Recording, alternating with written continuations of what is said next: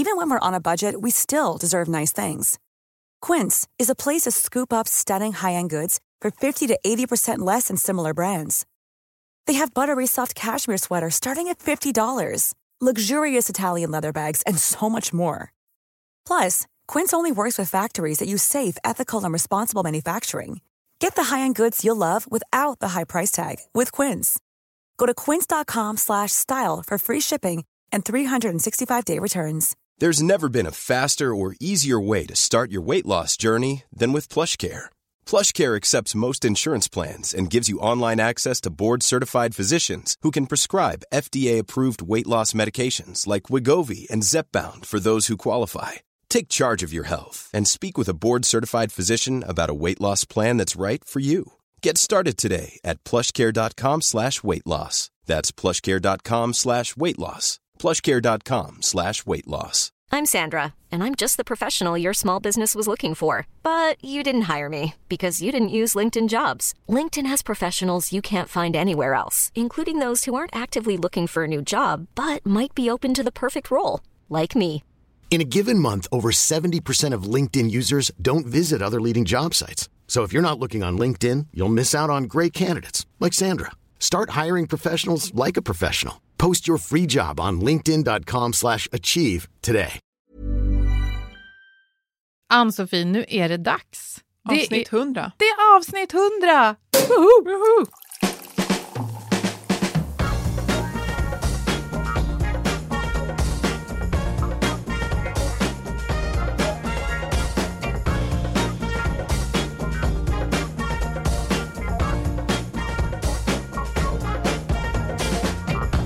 Trodde vi det? Nej, ja, ja, jag tänkte att man skulle säga det hade vi aldrig kunnat trott. Eh, och så tänker man, men, men det var inte så att vi satt och planerade för vad vi skulle spela in avsnitt 100, men vi hade ju inte någon tanke om att så här, vi gör det här ett år och sen så tror jag vi lägger ner. Ingen Utan- tanke alls, nej. bara en väldig massa vilja Ja. och motivation och en väldigt stark idé. Ja, Men, för, men, men först ska vi ta den här gamla vanliga om vad vi gör och vilka vi är, ja, eller hur? ja, för vi är Health for Wealth, en podd om hälsa på jobbet. Och Trots att vi får det bättre och bättre mår många av oss bara sämre.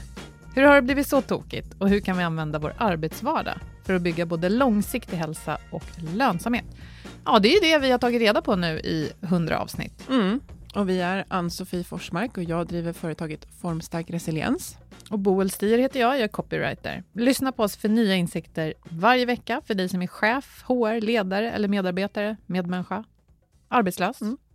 Och om man, om man tänker oss som ett företag, då Mm. skulle jag säga att vår vision och affärsidé, den är exakt samma nu som för tre år sedan när vi satte igång. Mm. Eh, och det är ju mer, om man tittar liksom innehållet, Mm. eh, som också har, egentligen har följt en röd tråd. Mm. Men med, med liksom, om man tänker vad händer i samhället, har vi fångat upp, tycker vi, det Mm. som har varit aktuellt i tiden. Men syftet har liksom alltid varit detsamma och insikten har också följt en typ av röd tråd. Ja, för vi, det började med att vi såg ett problem och Mm. började prata om det, du och jag. Och det var det här, varför blir så många sjuka? Och ofta kopplat till jobbet. Mm. Och vi pratade också om det här att hälsan, alltså hälsotrenden i sig, snarare verkade bidra till att folk mådde dåligt än tvärtom. Mm. Mm. Och så tänkte vi att det där måste vi göra något med, Mm.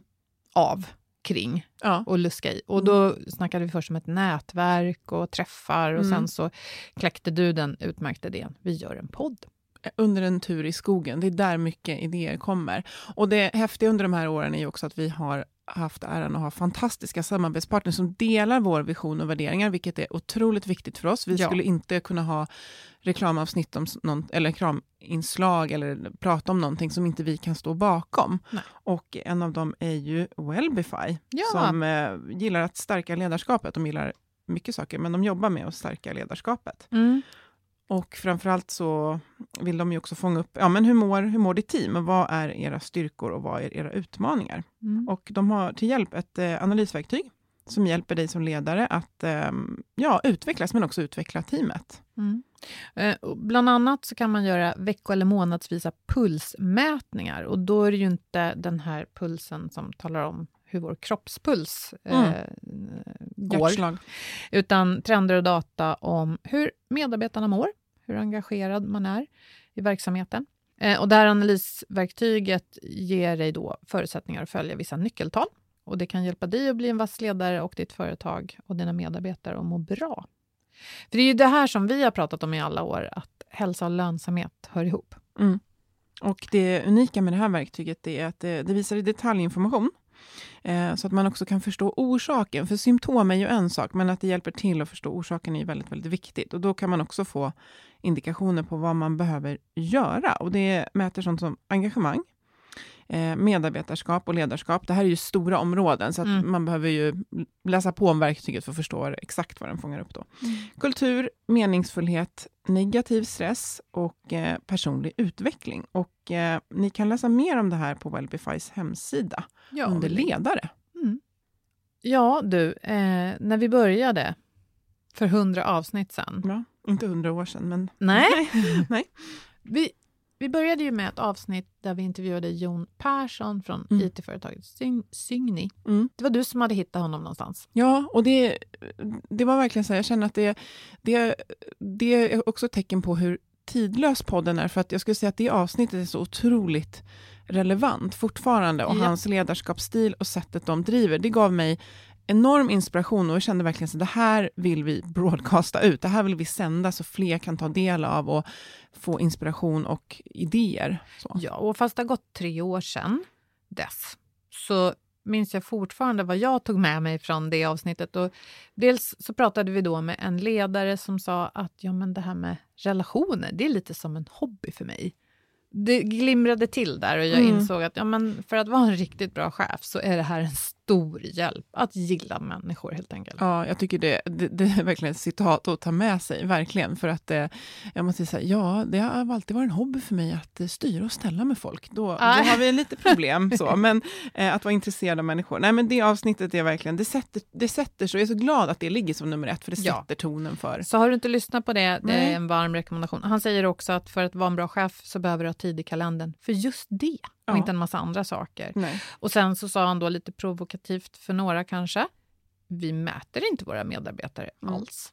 Mm. Det är mm. många som har Och de har ett intressant belöningssystem också, jag tycker att man ska ta del av mm. mm och lyssna på. Mm. Sen var det så här att när vi startade podden, det var någon gång eh, februari-mars 2016, då kom det precis en ny föreskrift eller om det är en ja. serie föreskrifter från Arbetsmiljöverket. Det här sammanföll ganska lägligt i tiden. Mm, man kallar den för OSAN, men det är eh, OSA 2015 kolon 4. Och vi passade ju faktiskt på då också att eh, Helene Rosander tog vi in eh, från, från Previa, Previa, och som har arbetat med att liksom också ta fram det här, eh, den här föreskriften och liksom rådgivit runt det.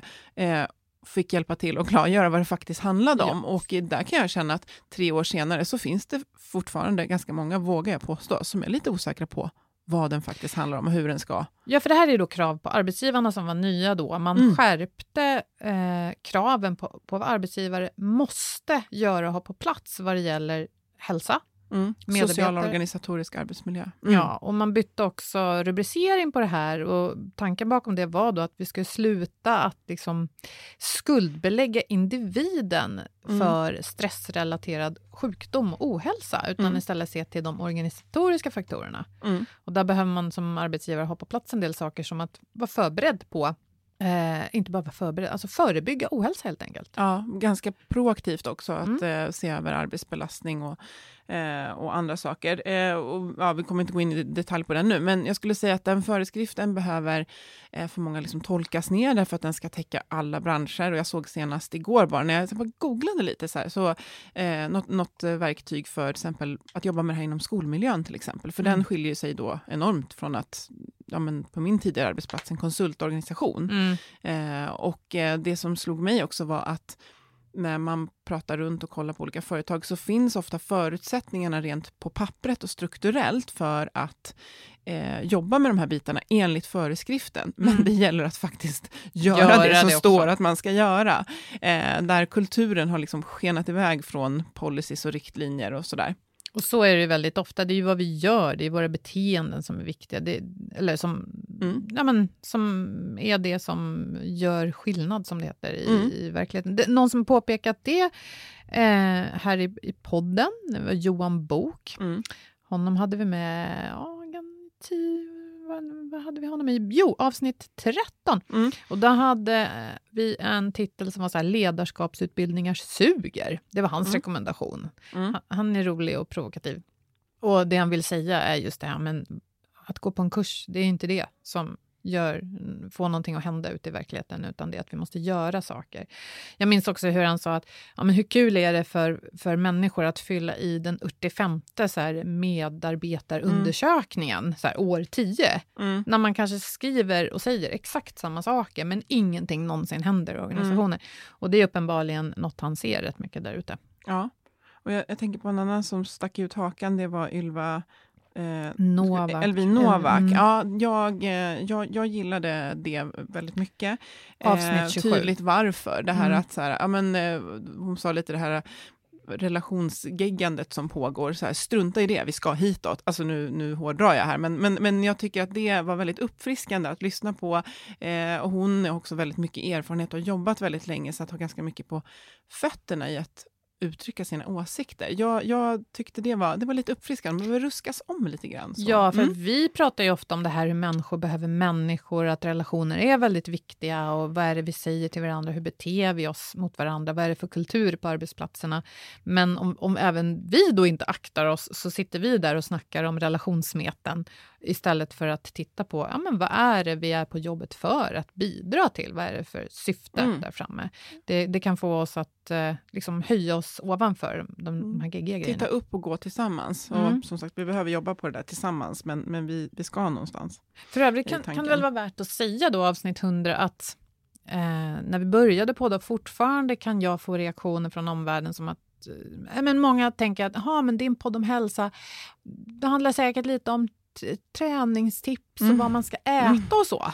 Det blir Mm. väldigt lätt den Mm. reaktionen, och jag förstår det. Men podden är ju en slags... Eh, vi vill göra revolt mot den synen på hälsa.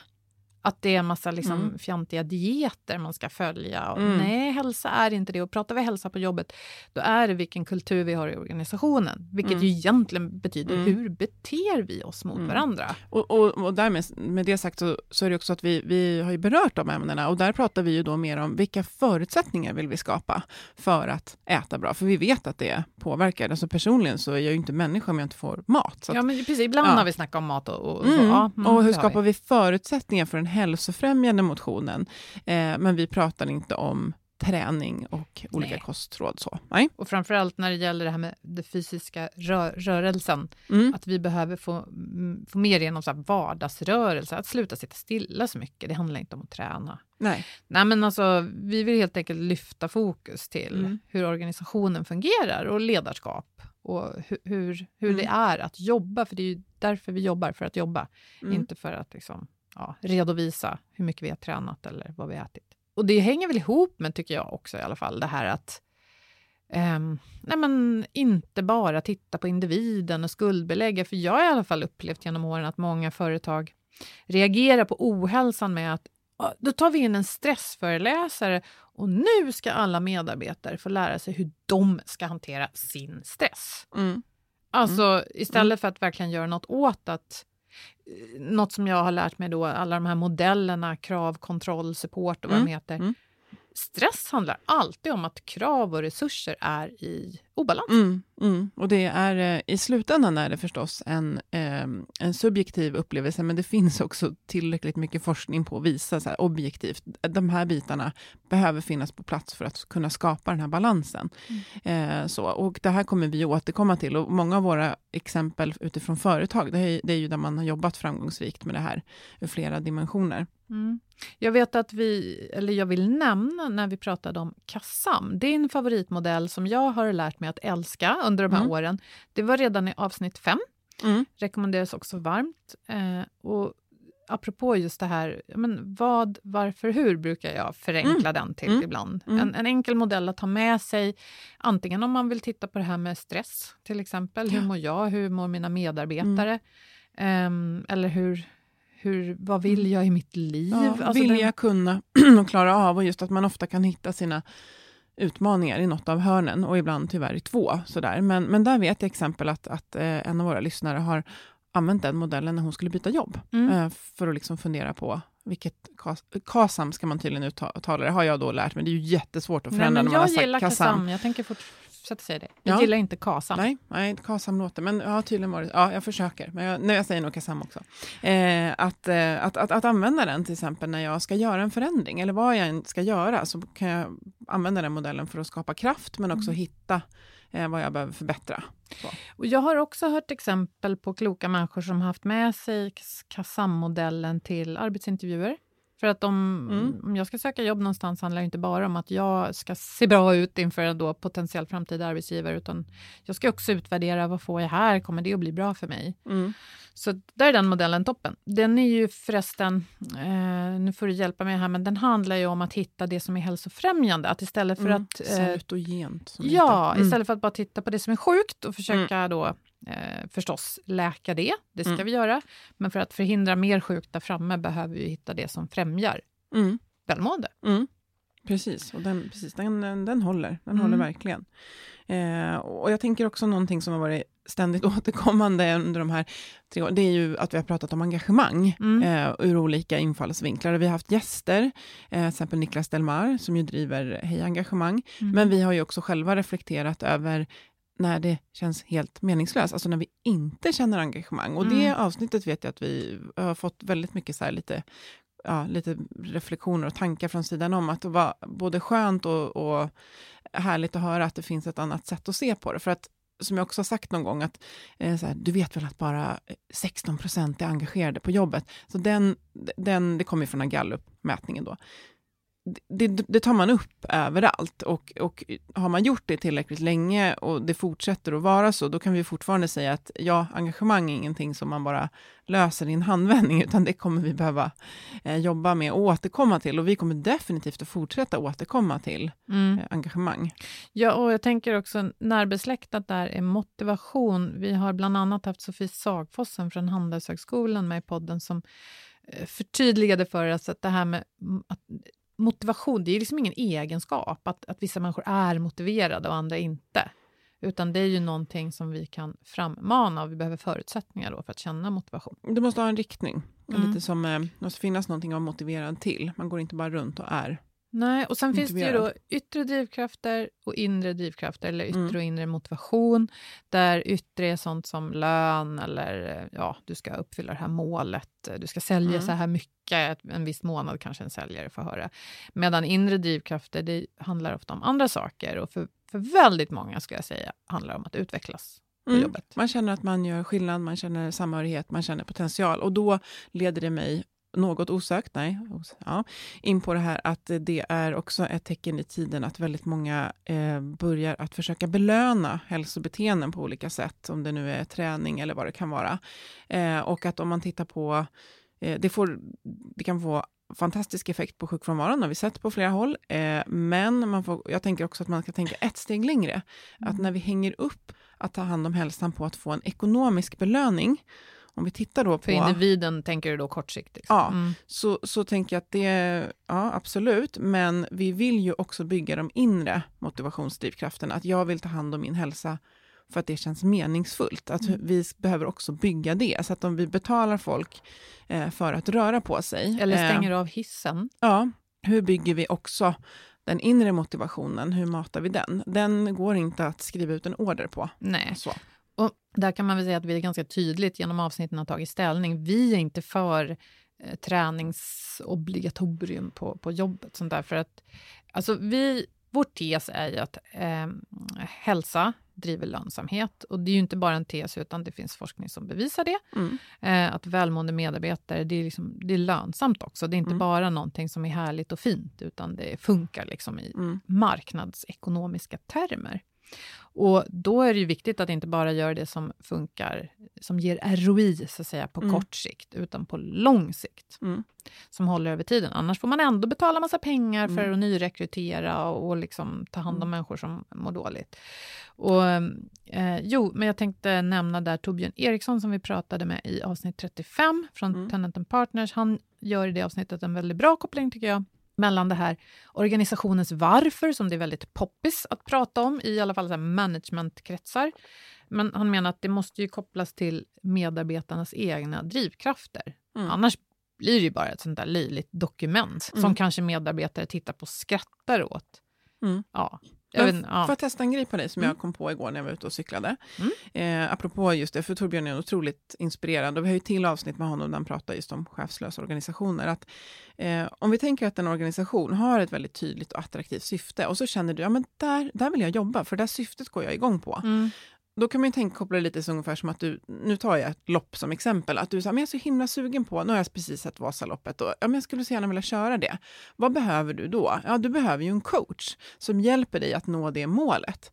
Så att i en Mm. organisation där syftet är väldigt tydligt och vart vi ska är tydligt, eh, så är det kanske just mer det här coachandet som behöver finnas i organisationen för att vi litar till att medarbetarna själva vill dit vi ska. Mm, Och kan vi ha den tilliten, då behövs det inte så mycket kontroll, det behövs mer coaching. Ja, därför att eh, även om målet är väldigt tydligt så kan vägen dit eh, synas oklar. Eh, Den kan också på grund av omvärldsfaktorer plötsligt förändras, som vi har Mm. pratat om, det här med lärande organisationer. Mm.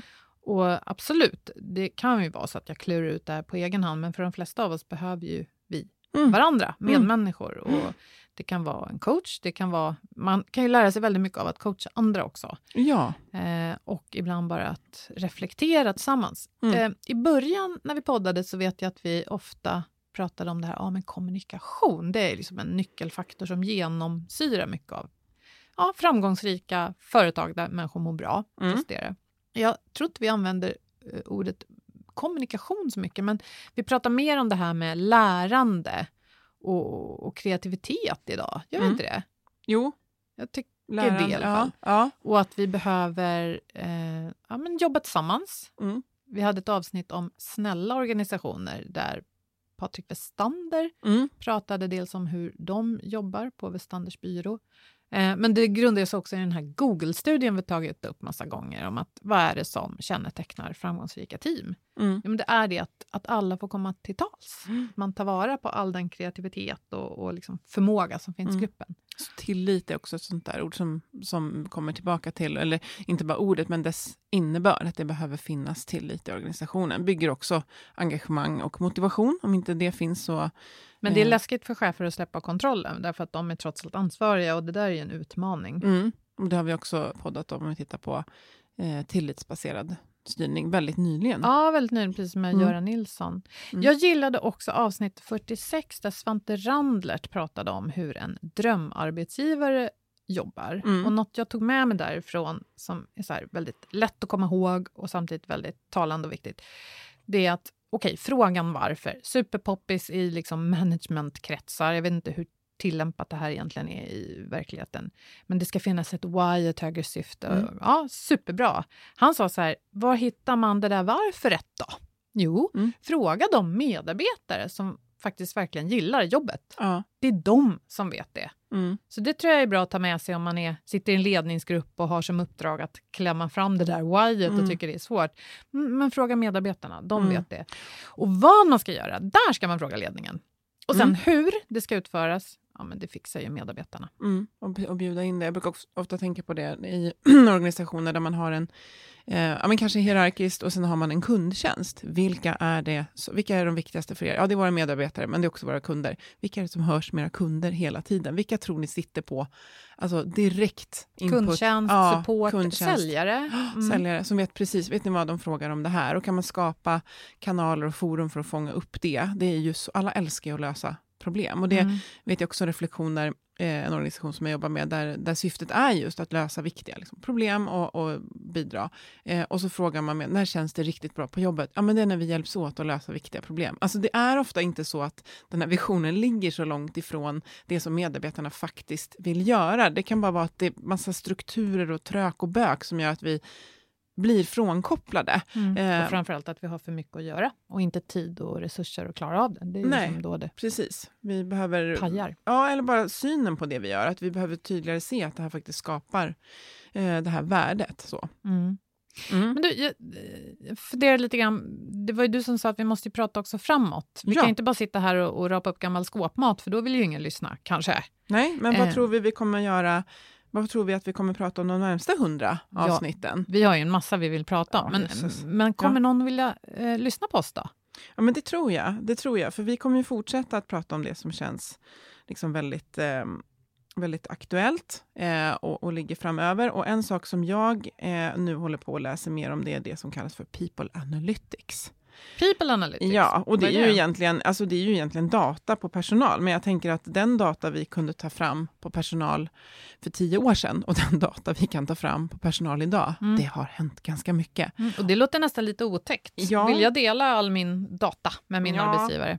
Eller hur funkar det? Ja, vill man det? Det finns en kurs i alla fall på, på Coursera och nu ska jag försöka se om jag kan eh, hitta vad det stod där, för den gjorde mig lite sådär. Men det var en, jo, det är en datadriven, nu blandar jag lite svengelska här. Datadrivet är väldigt poppis. Ja, det är väldigt poppis. Ja, approach till att eh, ja, då manage people på jobbet då. Och att för första gången i historien så kan ledare eh, fatta beslut om deras medarbetare baserat på eh, djupa analyser snarare än det som är traditionella metoder, vad de nu, eh, av- av personliga relationer.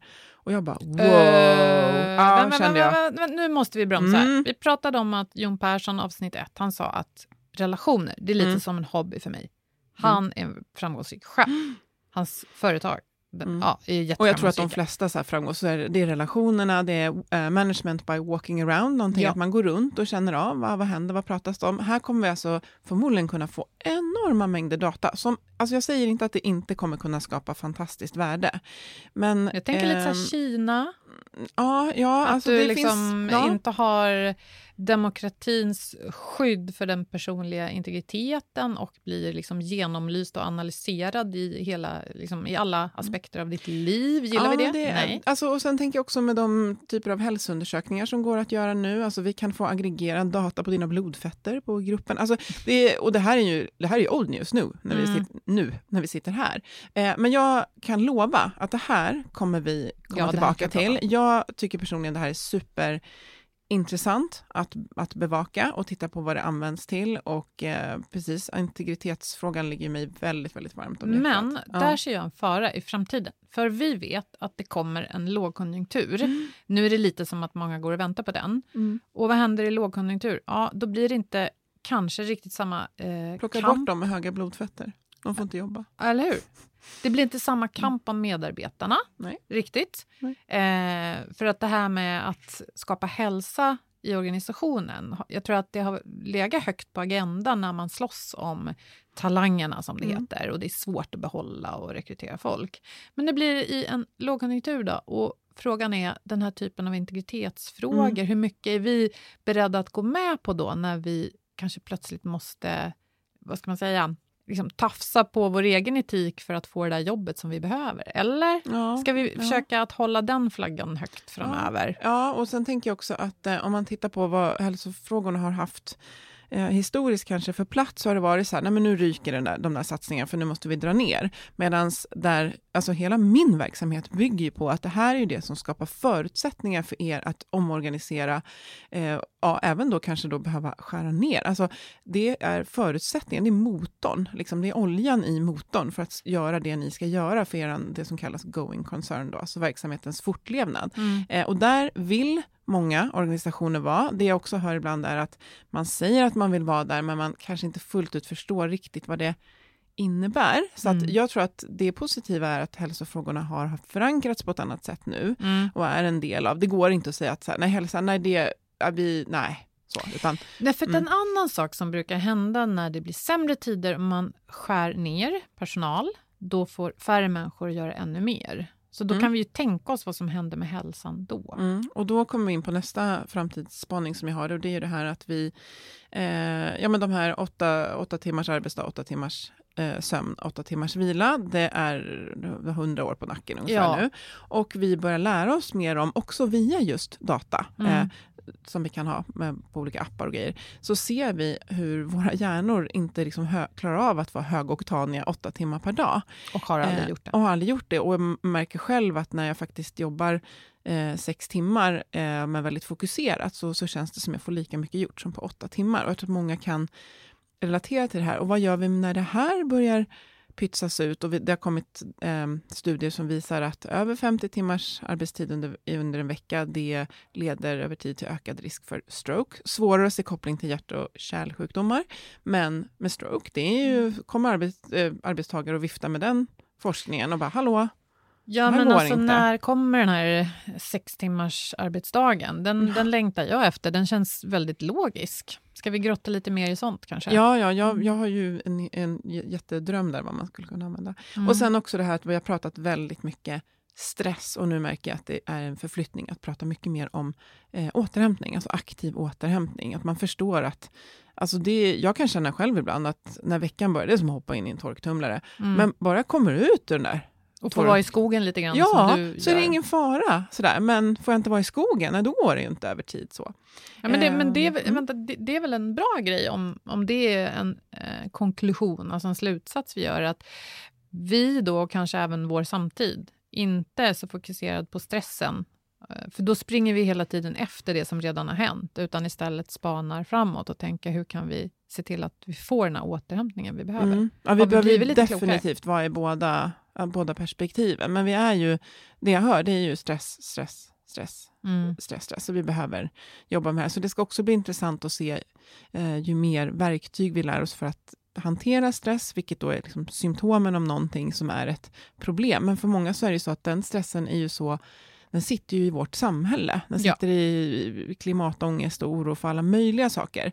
Eh, så så att det, vi kommer få fortsätta prata om det här i olika dimensioner. Det kommer verkligen. vi att göra och det här, alltså hur det digitala livet har gjort att, ja, skapat ett, ett gränslöst liv där det är mycket svårare att dra en gräns mellan jobb och fritid. Mm. Apropå mm. eh, work-life balance, hur säger man det på svenska?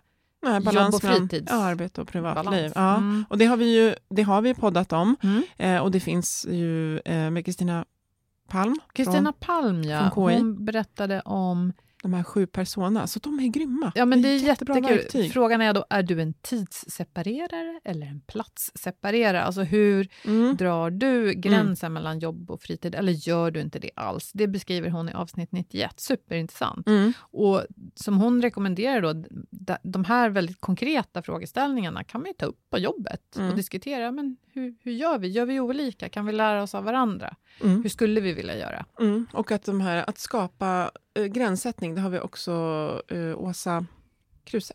Mm, ja, har vi också, för, det, för det är just att, att kan vi skapa gränser så kan det, det kan vara kaos i en hink, mm. men det finns en annan hink att hoppa till och vi har ja. skapat ett sätt att hoppa till den hinken. Mm. Lite så. Um, så ja, nej, men så det finns ju otroligt mycket och som sagt engagemang. Det ska bli jätteintressant att se vad som händer inom den eh, sfären eller det området. Så, för att det är ju ett område som vi eh, behöver mm. alltså fortsätta prata om. Det är mm. inget man löser och sen har man en, en... Blir inte färdig med det riktigt. Nej, nej verkligen Men inte. Tänker, eh, en, en annan sån här lärdom jag har tagit med mig från avsnitt fyra var det, där vi pratade med Anders Jurén från Nyckeltalsinstitutet. Han sa massa kloka saker. Men bland annat sa han det här att en chef som har mer än 30 medarbetare det är som att be om långtidssjukskrivning. Mm. Det finns statistisk korrelation med långtidssjukskrivning. Eller ja.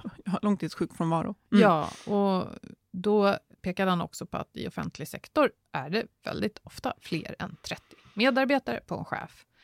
Och det här behöver vi ta med oss in i lågkonjunkturen. Hur, hur hanterar vi det här och se till att vi inte bara bygger upp en massa nya problem för oss framöver.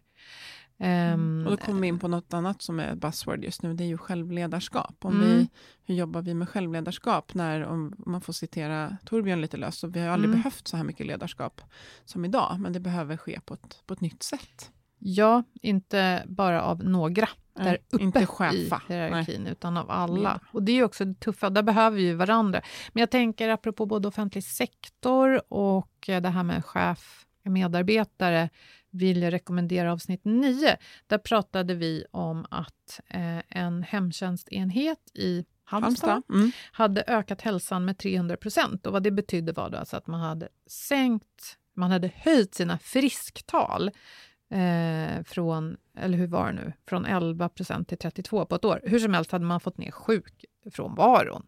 Jag är inte så bra på de här, eh, den här terminologin. Mm, men det, det, var, det är en inspirerande metod. Mm. Alltså, eh, eller projekt som man ska säga. Det var väldigt, väldigt bra. Och samma eh, när vi pratade med Arbetsförmedlingens kundtjänst i Karlskoga, där vi hade Charlotta Edenvik, som också berättade om ett väldigt liksom, systematiskt och gediget arbete som också lett till fantastiska förbättringar i deras arbetsmiljö och ja, Som gick siffror. att uttrycka i konkreta siffror, Ja. just det.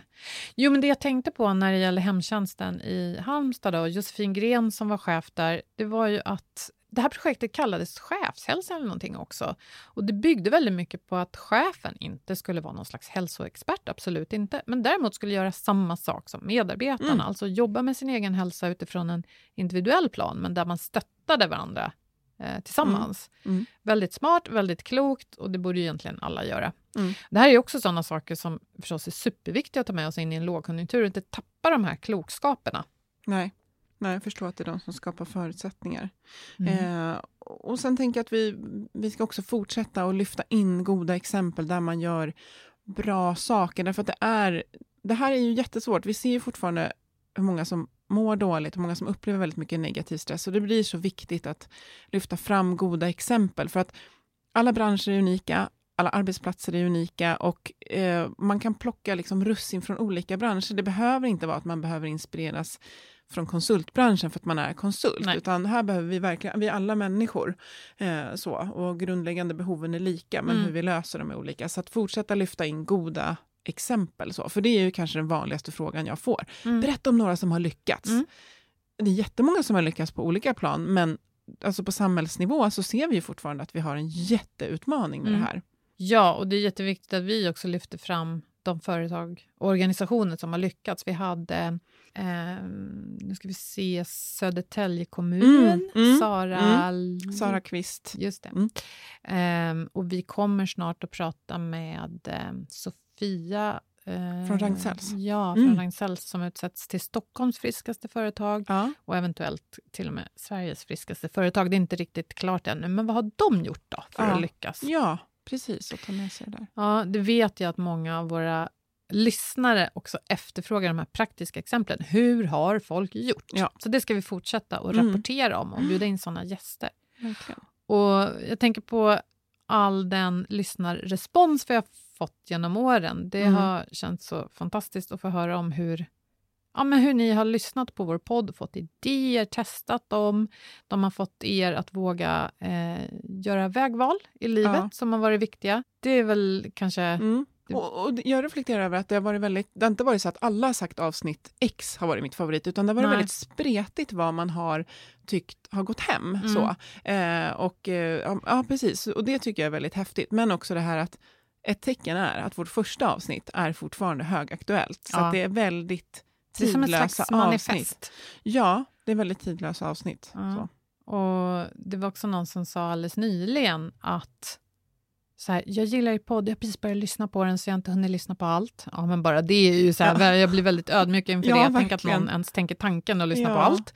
Eh, men då sa han att jag gillar att den är vetenskaplig och ändå känns så mysig. Ja, det var Det så, jag, jag blev var- så glad. Det Ja. var så gulligt. Ja, det tyckte jag var jättekul. Så att, eh, Ni får ju också gärna önska, för vi försöker ju, vi sitter ju inte direkt och pratar om vad vi åt till frukost och sådär, utan vi kastar oss ju ganska rätt in tycker jag i ämnen. Men eh, ja, önska. mm, önska ämnen och önska, Tipsa. För Ja, att många verkligen. avsnitt bygger faktiskt på tips också som Mm. vi har fått om det eh, gör de verkligen. vad Ja. folk har gjort. Mm. Vi vill ju som alltid höra mer av er. ja, Och att det blir 100 avsnitt till är det ingen snack om. nej, känns inte Och, som och mer ändå. tvivel. Och vi Mm. fortsätter att hålla fanan högt för att då fokusera diskussionen om hälsa bort från eh, friskvårdsbidrag och, och liksom fruktfat på jobbet till organisationsfrågor, Ja. kultur, ledarskap. För det är där vi bygger förutsättningarna för att Mm. må bra. Precis. Ja, Det ska vi med. Superkul. Tack Boel för 100. Ja, tack du! Och jag har lärt mig så mycket av dig också. Ja, men detsamma. Så himla roligt. detsamma. Och alla ska- våra gäster. för inte nu- Ja, Ja. Helt fantastiskt. Det är som en kunskapsbok. Ja, en bok kanske. Mm. Vem vet? Vi ska också tacka våra samarbetspartners Wellbify och Berggren Lahti för den här produktionen. Och fortsätt höras med oss i våra sociala medier på LinkedIn, Facebook-sidan, hemsidan healthforwealth.se. Ta hand om varandra. Må så gott. Hej! Hej då!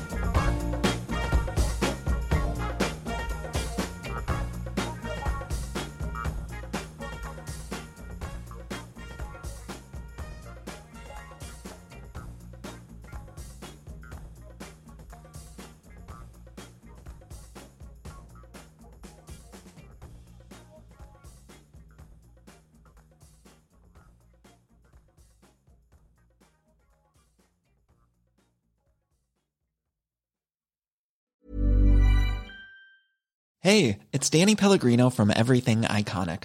Ready to upgrade your style game without blowing your budget? Check out Quince. They've got all the good stuff shirts and polos, activewear, and fine leather goods, all at 50 to 80% less than other high end brands.